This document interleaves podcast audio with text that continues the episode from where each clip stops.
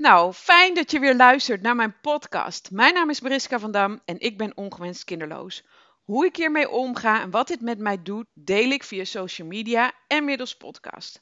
Maar ik wil niet alleen mijn eigen verhaal delen, ik wil ook het verhaal van anderen delen. Want er zijn zoveel andere verhalen. Ik heb mijn, ehm, mijn reden waardoor ik niet kinderen kan krijgen, maar ieder heeft daar zijn eigen reden voor. En vandaag heb ik een interview met Maruska.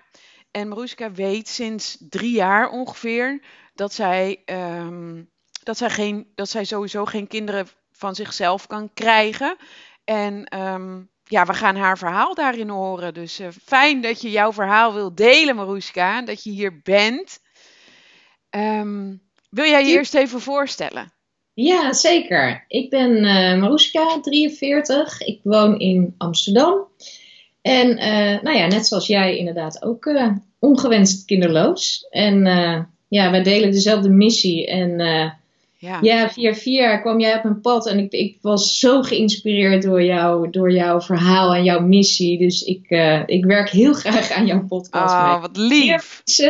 Dit, dit weten, hè, dit grote onbekende verdriet eigenlijk. Ja hoe mooier het ook is. Ja, ja, ben ik helemaal met je eens. En ik vind het ook te gek dat jij uh, jouw verhaal daarom ook wilt delen. Uh, we zijn collega's van elkaar, Laat, dat vind ik vooral. We, we zeiden het net nog tegen elkaar.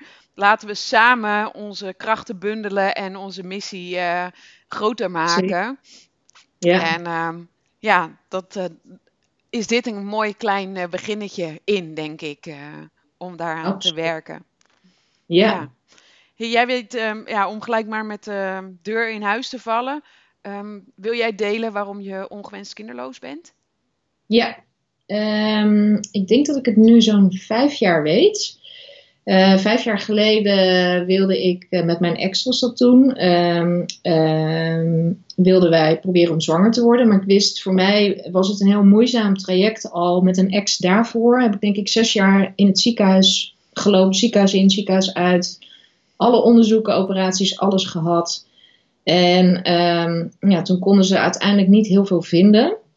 En ik weet nog dat ik een keer wakker werd na een operatie in die uitslaapkamer. En ik had zoveel pijn. En dat was het moment dat ik dacht: en bij jou ga ik ook weg. Want dit is, ik weet niet waarom, maar er klikte iets in mij dat ik dacht: ik, ik weet niet, het voelde gewoon dat ik dacht, nee, dit, dit, wij horen niet meer bij elkaar. Dus toen, toen, zijn we uit elkaar gegaan. Toen ben ik uiteindelijk verhuisd naar Amsterdam. Leerde ik uh, uh, mijn ex daarna kennen.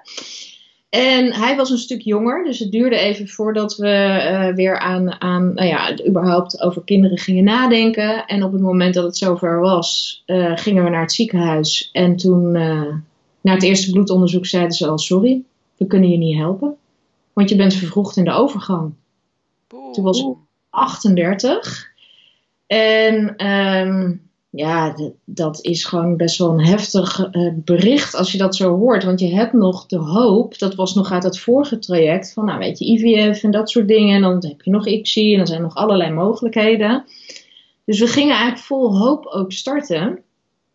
En uh, ik heb toen destijds ook mijn baan opgezegd, omdat ik nog in de ontkenning zat en dacht, weet je, er zijn vast mogelijkheden, dat komt allemaal goed. Ik ga mijn lijf gewoon alle rust geven. En uh, we hebben toen een second opinion gedaan. En die arts zei exact hetzelfde, maar die zei ook, uh, want ik moest alle onderslagen, uitslagen van het ziekenhuistraject ook van daarvoor meegeven. Uh, en hij zei van ja, toen jij startte, toen ik 29 of 30 was in het ziekenhuis, hij zei, toen kon je aan het bloed al zien dat jij al vervroegd in de overgang was. Maar dat hebben ze dus in, het, in dat ziekenhuistraject nooit gezien. Ach jee, ja. En uh, ja, hij zei ook, het enige wat je kan doen is rouwen. Hij zegt, je gaat rouwen om iets wat je nooit gehad hebt. En op het moment dat hij het zei, het was alsof er gewoon, alsof ik er direct ook in kwam. En ik had mijn baan opgezegd om voor een kindje te gaan. Maar het werd gewoon alleen maar rouwverwerking. Dus dat was echt gewoon een half jaar lang gewoon, ja, gewoon alleen maar gewoon heel veel verdriet zitten verwerken. En ja, proberen het een plek te geven. Ja. En ja, en toen uiteindelijk was er nog een kans op eiceldonatie. Maar dat voelde ook, weet je, het is een heel ethisch vraagstuk, hè. Want ja, weet je, wat, wat doe je het kindje ook aan, hè? Van je bent biologisch gezien niet de moeder. Uh, en dat voelde heel erg van, ja, weet je, eh, eerst dit verdriet ook verwerken. Anders zou dat ook niet eerlijk zijn tegenover zo'n kind. Dus het is gewoon heel goed om, om eerst te, verwerken dat je nooit vanuit je eigen eisen een, een, een kindje gaat krijgen. Ja. En uh, nou ja, op een gegeven moment kwam er iets meer ruimte. En uh, toen hadden we besloten om dat in Spanje te gaan doen. Uh, en een week voordat we gingen, zei hij: Ik kan het niet. En de dag daarna zei hij: En ik wil jou ook niet meer. Oh. oh. Dus toen uh, stond ik dubbel met lege handen. Het voelde heel erg. Ja, voor mij was hij toen de liefde voor mijn leven. Nu niet meer. Maar toen voelde dat wel zo. Uh, en ik was toen inmiddels 40, dus het was voor mij voelde dat ook wel. Dit was echt mijn laatste kans om moeder te worden. Dus ja, toen kwam ik weer in een, in een periode van rouw. Hè? Dus en uh, nooit moeder worden en de liefde van je leven verliezen. En ja, dat was gewoon een heel heftig, uh, heftige tijd. Ja, dat snap, ja, ik. dat snap ik. Hoe ben je daar doorheen gegaan? Hoe, wat heb je gedaan? Wat? Um, nou, ik denk toch ook wel in een overlevingsmodus.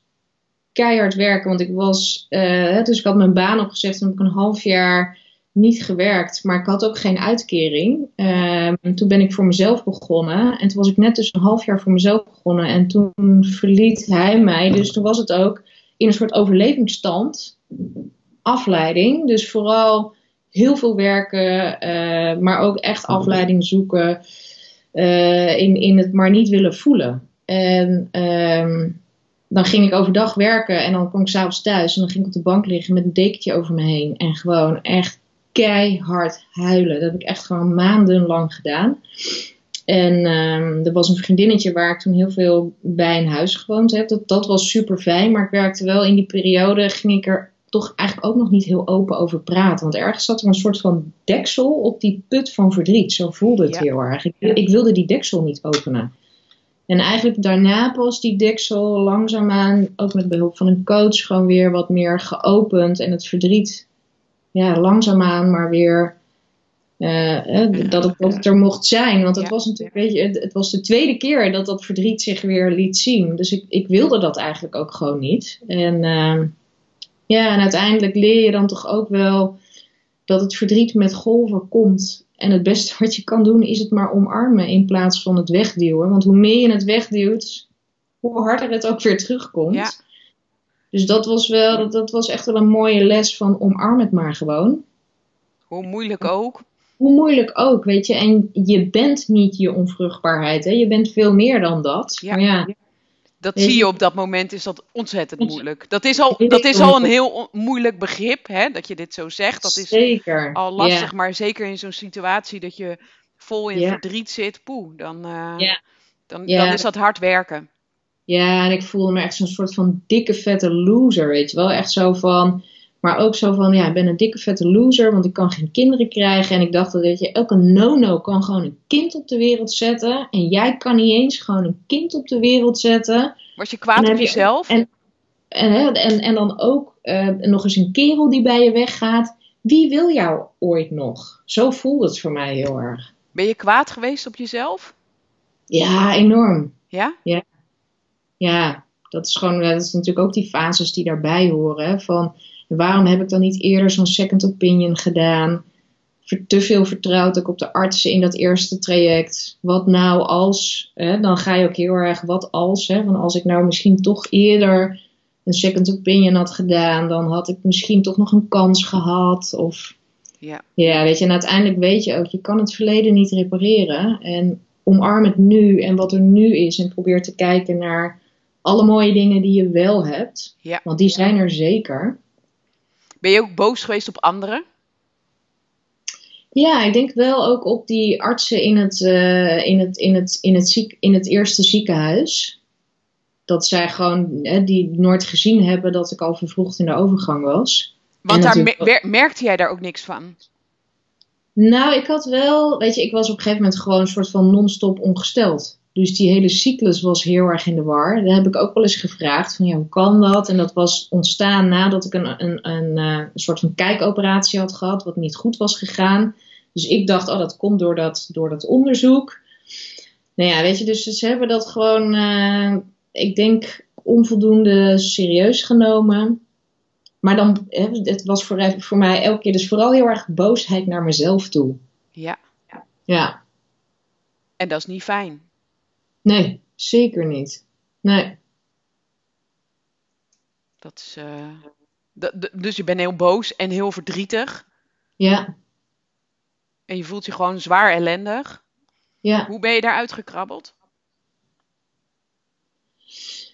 Um, ja, stapje voor stapje gewoon um, weer proberen te genieten van de dingen die, die er wel zijn. En uh, ja, toch ook maar te gaan zien welke mooie dingen er wel zijn in je leven. En, dus het maakt je ook veel dankbaarder voor de hele, soms de hele kleine dingen in het leven die als de zon schijnt en je voelt zo die zonnestralen op je gezicht. Of als je een mooie wandeling aan het maken bent. Dat je, ja, de, de dingen die voor sommige mensen misschien heel erg soort van zelfsprekend zijn.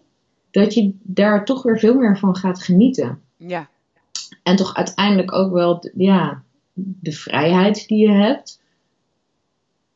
En dat, ja, dat is natuurlijk heel dubbel, hè. Want soms dan wil je niks liever dan uh, dat je denkt, wel, fuck die vrijheid, ik wil gewoon een kind. Hè? En dat is, ik heb het vooral voor mij zo'n beeld van mensen die met een kindje op de fiets zitten, met een kindje voor op de fiets en die dan samen aan het zingen zijn en plezier maken. Weet je, dat snijdt, dat heeft voor mij heel lang als een soort, als een mes door mijn ziel gesneden. Dat je denkt, oh, dat wil ik ook. Ja. Ja. Ja, heel herkenbaar. Heel herkenbaar. Ja gewoon die doodnormale straatbeelden van. Weet je, je wordt er continu altijd mee geconfronteerd. Het is er altijd. Onze maatschappij, dat is heel mooi. Weet je, het is gewoon een maatschappij wat draait om gezinnen. En ja, dus, dus het gaat er ook om dat je daar niet continu heel verdrietig over blijft. Want het is er altijd. Ja. Ja, het is er, je wordt er altijd mee geconfronteerd. Ja. En dan is het zaak om daarmee te leren dealen. En daarmee om te kunnen gaan en inderdaad te, te, genieten van die kleine dingen die er wel zijn. En grote dingen die er wel zijn. Ja. En te accepteren dat je ook wel eens gewoon daar eh, even boos op kan zijn. Of verdrietig om kan zijn. Dat je ja, die vrouw ziet fietsen of die... En heel lang zie je het ineens niet meer. Nee. En dan ineens vanuit een vreemde hoek word je ineens weer geconfronteerd en raakt die ineens weer heel erg. Ja, maar, ja, dat, maar is, dat is ook het lastige. Dat het, het verdriet van ongewenst kinderloos zijn, het gaat nooit weg. Nee. En het overvalt je op de meest rare momenten. Ja. Dat, het, dat het opeens is het als een soort van boemerang die weer op je afkomt. Terwijl je denkt, jeetje, wat is nou die trigger? Dat, dat kan soms zo onverwacht zijn. Ja. En het gaat er dan vooral om, om het maar vooral heel erg te omarmen op het moment dat het gebeurt. En het dan ook maar te tonen, weet je. Want dat is ook wat ik heel erg lastig vond om aan de buitenwereld te laten zien. Dat ik zo verdrietig was. En dat ik de, de hulp vragen was voor mij echt een dingetje. Dat heb ik echt wel moeten leren. Dat vond je moeilijk? Ja, dat vond ik heel moeilijk. Want het voelde heel erg als van, hè, ik ben een zwakkeling en ik kan het niet alleen. En ja, dus dat, um, op een gegeven moment dan weet je ook wel wie je dan kan bellen op momenten dat je je gewoon deep down voelt. En dat het gewoon fijn is dat, dat je gewoon even mag huilen. Want weet je, rouwen heeft natuurlijk een getuige nodig. Dus op het moment dat je dan even met iemand kan huilen. En even boos mag zijn. Ja, dat lucht gewoon enorm op. Ja, ja want dan ben je... Ja. je ex heeft je toen ook verlaten. Dus dan ben je ook nog alleen. Dus dan moet je het ook alleen doen. En het is wel heel fijn als je mensen om je heen hebt die je kunnen steunen. Zeker. Ja. ja. En die, die zijn er? Gelukkig wel. Ja, absoluut. Ja. Ja. En die, die, die vertel je ook als je je rot voelt. Zeker, of ik bel ze dan ook, hè, want dat deed ik ook heel vaak niet. Maar dat doe ik nu ook gewoon. Weet je, op het moment dat ik zo verdrietig ben, dan weet ik ook gewoon. Je hebt wel voorkeur, dat is zo jij waarschijnlijk ook hebben. Welke mensen het echt begrijpen en die er gewoon voor je zijn en die het ook niet willen oplossen. Want sommige mensen willen het gewoon voor je oplossen. Dus ik denk, ja, Gaat je kan het niet oplossen. Weet je, we leven in zo'n maakbare wereld. Het lijkt wel alsof vervelende dingen er niet mogen zijn. En dat mensen het dan voor je op willen lossen of zeggen: ah, zo erg is het niet. Jij hebt een heel ander leven met, met mooie dingen. Kijk eens naar wat jij allemaal wel hebt. En denk ik: fuck you. ja. kinderen zijn niet zaligmakend. Dat is ook Ja, zo'n zo'n dooddoener. Ja. ja, die mensen bel je dan vooral niet. Nee. Eh, hoe lief je ze ook vindt natuurlijk. Maar eh, ja, dat soort boodschappen heb je dan helemaal niks. Het is alleen maar fijn dat er gewoon iemand even naar je luistert. En een, eh, een arm om je heen legt. Of een virtuele arm om je heen legt. Of een telefonische arm om je heen legt. Maar in ieder geval dat je je verhaal kwijt kan. Ja, en die Ja. mensen kunnen het niet ruiken als, je, als jij je rot voelt thuis. Dat, Nee. dat, hè, je, dan denk je, nou, eh, is er dan niet de telepathie dat iemand me nu niet even een appje stuurt, bij wijze van spreken? Nee, ja, dat, dat kan, maar dat eh, ook wel niet. Nee. En dan is het natuurlijk wel zaak dat je ja, toch zelf, ehm, nou ja, stoute schoenen wil ik niet zeggen, maar dat je, dat je zelf de kracht hebt om dan zelf aan de bel te trekken. Want mensen weten niet dat jij je op dat moment heel rot voelt. Klopt. En die vinden het alleen maar fijn als je dan wel contact met ze opneemt.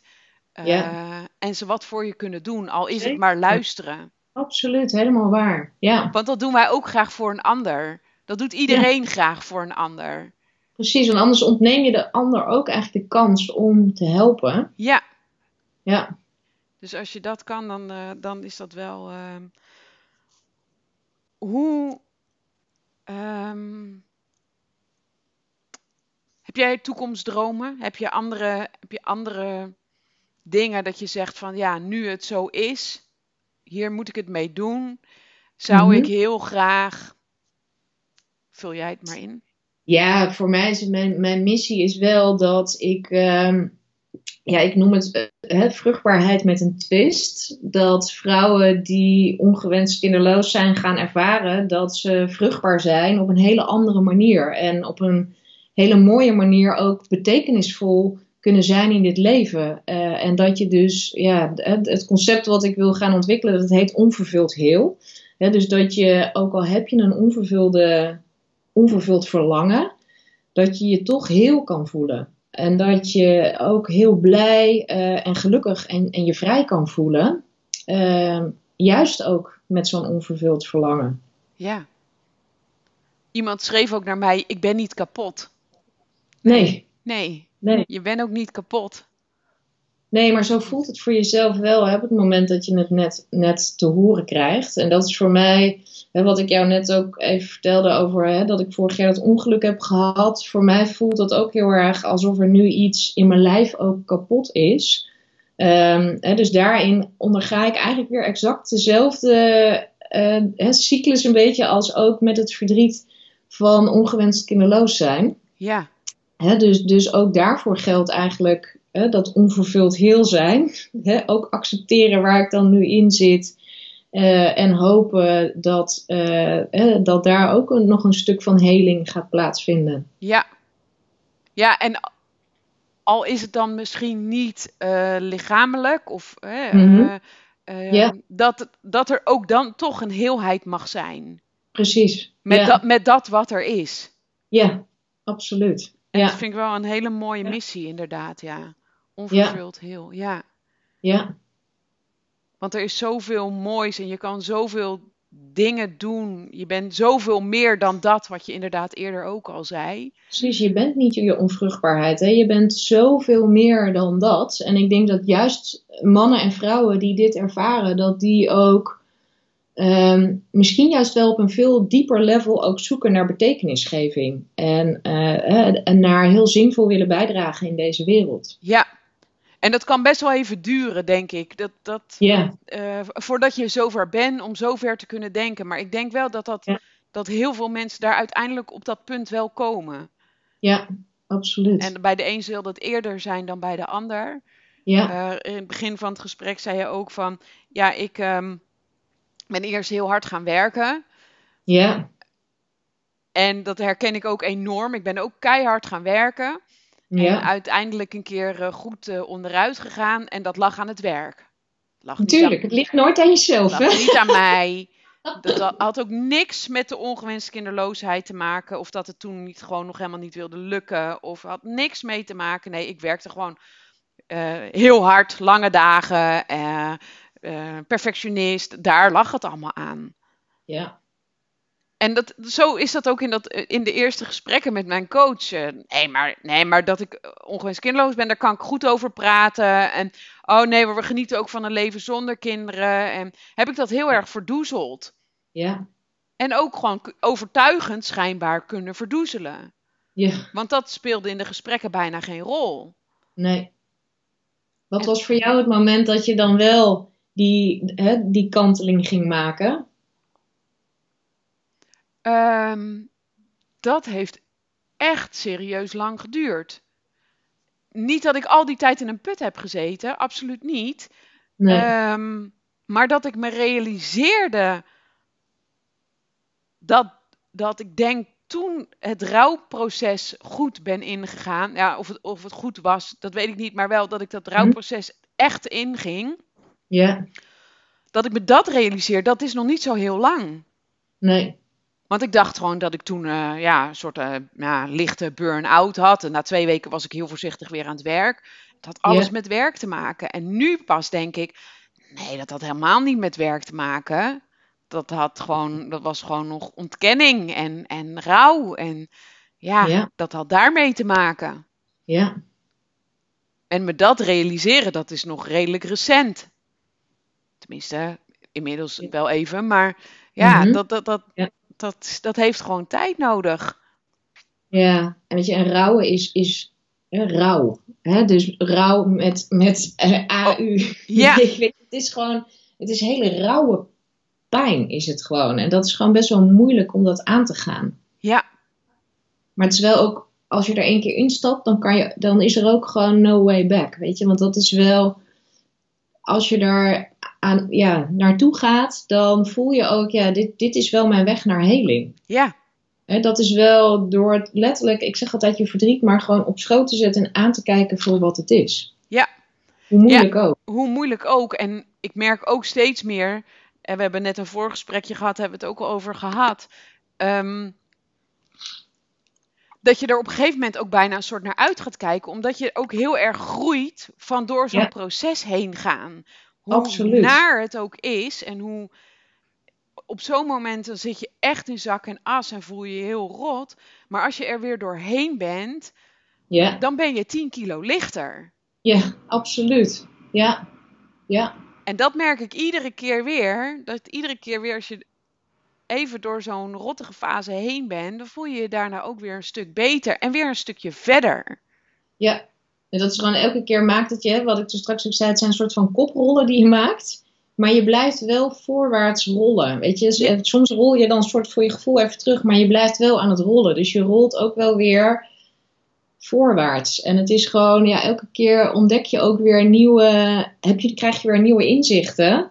Ah, oh, zit het zo? En oh, is dit dan de overtuiging waarmee ik mezelf voed? En oh, wat stom dat ik dat eigenlijk van mezelf zo vind. Want dat was toen ik op een gegeven moment ging ontdekken dat ik mezelf dus voedde met de gedachte van ik ben gewoon een, een, een dikke vette loser.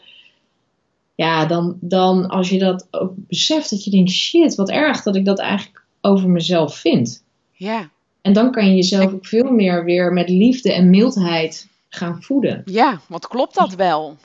Precies. Klopt dat wel Ja. dat, je dat, eh, dat, je, dat jij die dikke vette loser bent? Ja, ja, Maar die overtuiging die kan zo ontzettend hardnekkig zijn ja, dat je dat, je dat ook helemaal bent. ja, precies. En die gedachte, ik ben niks meer waard als vrouw. Ja. Ja, En dan ga je daar ook naar gedragen, hè? heel onbewust. ja, Ja. Dus het doet altijd even pijn op het moment dat je dat aha-moment krijgt. Want dan wil je het liefst natuurlijk even door. Dat is niet waar, dat ligt toch aan een ander. Hè? Wat jij toen straks ook heel mooi zei, dat ligt vooral niet aan mezelf. Nee. Maar ja, op het moment dat je dan hè, weer de eerlijkheid naar jezelf kan. jezelf weer eerlijk in de spiegel kan, laten, kan aankijken. Van ja, shit, dit is eigenlijk wel wat het is. En hoe ik, hoe ik dus over mezelf denk. Ja. Want jij bent de enige die het kan veranderen. ja, jij hebt, Jij. jij Ja. hebt de keuze. Jij hebt Ja. de keuze om te blijven geloven dat je een loser bent. En Ja. je dus heel, daar heel rot van voelt. Want dat Ja. maakt je ook alleen maar verdrietig en, en, en misschien eenzaam en alleen. Ja. Ja, Of maak je de keuze, ja, maar ik ben veel meer dan dat. precies. Ja, Ik ben verdorie gewoon een jonge, mooie vrouw. En ik, ja, ik kan geen kinderen krijgen, maar ik heb nog veel meer dan dat. precies. Nou, als je die keuze kan maken, als je ervoor voor kan kiezen, voor die positievere gedachten, Ja, en dan, dan word je ook weer, dan, dan bloei je weer op. ja. Is niet makkelijk, Nee, zeker niet makkelijk. maar wel nodig. Zeker, dat is echt zeker nood, ja, noodzakelijk ook bijna om uiteindelijk toch weer van het leven te kunnen genieten. Ja. Weet je, dat leven is gewoon veel te mooi om je altijd maar heel verdrietig te voelen. Ja, En Ja, daarmee zeg ik niet dat je verdriet er niet meer mag zijn. Want weet je, dat is juist, je weet gewoon, dit verdriet gaat nooit weg. Dat zal altijd blijven. Maar het gaat er wel om hoe je uiteindelijk eh, weet hoe je met dat verdriet omgaat. Ja. En het dus letterlijk omarmt op het moment dat het zich aandient. Want dan kun je daarna juist ook weer heel erg genieten van alle andere dingen die er wel zijn. juist. Ja, Helemaal mee eens. Ja, ja, ja. tof. Heb je een gouden tip voor iemand? Ehm, ja, ik denk dat dat vooral toch wel zit in, in dat gewoon het verdriet omarmen. En wat mij ook heel erg geholpen heeft, dat heb ik pas sinds eh, ik denk een half jaar geleden gedaan. Dat is, ik ga, laat je even zien, deze, deze ketting. Dat ik heb mijn verloren droom tastbaar gemaakt. En ehm, ik voelde gewoon van, ik, ik wil op de een of andere manier die verloren droom, dat ik dat bij me kan dragen. En dat ik dat tastbaar maak. En dat heeft heel lang, voelde ik daar, dat daar geen ruimte voor was. Maar ik denk op het moment dat ik echt wel wist van, ja weet je, het gaat gewoon nooit meer gebeuren. eh, dat ik in die acceptatie kwam, toen kwam er ook ruimte om erover na te denken van, hé, hey, en hoe, hoe wil ik die verloren droom dan tastbaar maken? En ik was al een tijdje bezig met een dame die, eh, zij maakt krachtsieraden. Ehm, hè, voor als je inderdaad eh, eh, dierbare verloren bent of over je innerlijk kind. En, ja, en elke keer was het, ja, voelde het ook gewoon, ja, ik ben er gewoon nog niet klaar voor. En toen ben ik een keer uiteindelijk naar haar toe gegaan en toen zag ik deze ketting en toen dacht ik, dit is hem. Die is voor mij. Ja. Die is voor mij. En eh, eh, ik had altijd, dat, dat zal iedereen herkennen, dat je al een naam hebt ook voor het kindje. Wat natuurlijk, hè, want in je gedachten weet je gewoon helemaal hoe je kindje eruit ziet. Hè? Dus je imaginaire kind heeft een naam. Hè, het was voor mij was een soort van meisje, zo'n zo'n ondeugend klein meisje. Die aan de ene kant super lief was, maar ook heel stout. Met van die, van die kleine blonde vlechtjes. En ze heette Bo. Dus wat ik heb gedaan, ik heb ook die naam Bo aan de achterkant erin gegraveerd. Wauw. Waardoor ze een soort van, nou ja, het is gewoon altijd bij me. En, Ja. eh, Ja. dus dat is misschien wel een tip die ik aan mensen zou willen geven. Eh, en dat hoeft niet in diezelfde vorm te zijn, maar maak je verloren droom tastbaar. Waardo- Waardoor het ook gewoon een, een, letterlijk nog meer een plek gaat krijgen in je leven. Ja. Ja, nu je het zo mooi uitspreekt, hè, je verwoordt het echt heel mooi. Ik heb, eh, ik heb vorige podcast ook al verteld, ik heb eh, twee jaar geleden een tatoeage laten zetten. eh, van een, een hart, en, een, een hart in een, in een kruis. Oh ja. Hij is heel subtiel. Tenminste, Mooi. hij is redelijk subtiel. Hij is heel dun. Ehm, voor mij was het geloof en liefde. Ja, En dat geloof en liefde is gebleven. Hoop is- is er niet aan verbonden, want dat, ja, dat ben je een soort verloren. ja. Eh, al moet ik zeggen dat dat heel voorzichtig wel weer terugkomt. Eh, Ja. Maar dat vond ik toen nog too much, zeg maar. Maar in, in mijn geval heb ik dus een tatoeage laten zetten. En jij Ja. hebt zo'n prachtig sieraad eh, eh, Ja. gekocht wat helemaal bij jou past. En Ja. ik denk ook, want ik ben zelf ook wel eens op zoek geweest naar een mooie hanger, mooi iets om, eh, een mooi ketting inderdaad. En ik, kon, Ja. ik kan het nog niet vinden. Nee. Ik denk ook niet dat het heel geforceerd moet zijn, maar dat, Nee, dat is wel. eh, ehm, Dit proces heeft denk ik een jaar, anderhalf jaar geduurd. precies. Ja, dus dat is gewoon vooral, heb, heb daar geduld in. Want op een gegeven moment dan voelt dat wel, oh ja, weet je, dit is het. Dit is wat mijn imaginaire kind tastbaar gaat maken. Ja. Ja. En dan- dan voelt het ook als, dan, ik voel me nu een soort van compleet of zo. Dus, dus dat, hè, dat onvervuld heel, zo voel ik me nu ook. Wat mooi. Ja. Eigenlijk is het nu vervuld heel. of zo. Ja. Ja. Ja. Ja. Sorry, ik zit helemaal. Ik, ik zit zo mooi naar die mooie ketting te kijken. dat ziet niemand natuurlijk. Als je de- deze podcast luistert, dan zie, dan zie je dat niet. Maar wij zien elkaar via de Skype. En ehm, Ja. ehm, het sieraad rust mooi bij, bij Ja. jou op je, op, je, je borst, zeg maar. eh, Ja. ja, in je hals. Ja. Dus dat is wel prachtig om, eh, om te zien. Mooi. ja. Wil je nog iets met ons delen? Nou, ik, ik denk gewoon, eh, ik zou eigenlijk iedereen willen aanmoedigen. Want ik denk dat er inmiddels ook heel veel vrouwen zijn die, die onzezelfde vrouwen en mannen misschien wel, die onze missie ook delen. Ehm, die zou ik vooral willen aanmoedigen om dat vooral nog veel meer te gaan doen. Ja, Zodat we veel meer mensen bereiken. En eh, voor de mensen die luisteren, die ehm, dit zelf niet meegemaakt hebben of iemand in hun omgeving hebben die eh, ongewenst kinderloos zijn. eh, die zou ik vooral ook mee willen geven. ehm, het is heel fijn als je er gewoon bent voor mensen die dit verdriet hebben. En je hoeft niet heel veel te zeggen, maar gewoon te zeggen: joh, weet je, ik kan je verdriet niet dragen. Ik, ik kan het misschien ook niet begrijpen. Maar je mag wel alles tegen me zeggen. Dus vooral stel open vragen. Ja. En ehm, gewoon aanwezig zijn is genoeg. ja. Ja, absoluut. En blijf de vraag ook af en toe stellen. Ja, Je, je hoeft niet iedere, iedere dag te vragen hoe is het nu met je, omdat je geen kinderen kan krijgen. Nee, maar het is iets wat je levenslang met je meedraagt. Dus je, je, je merkt soms dat het, nou we hebben het er maar niet meer over, want het, het zal, ja weet je, of dan rakelen we de pijn weer op, of dan...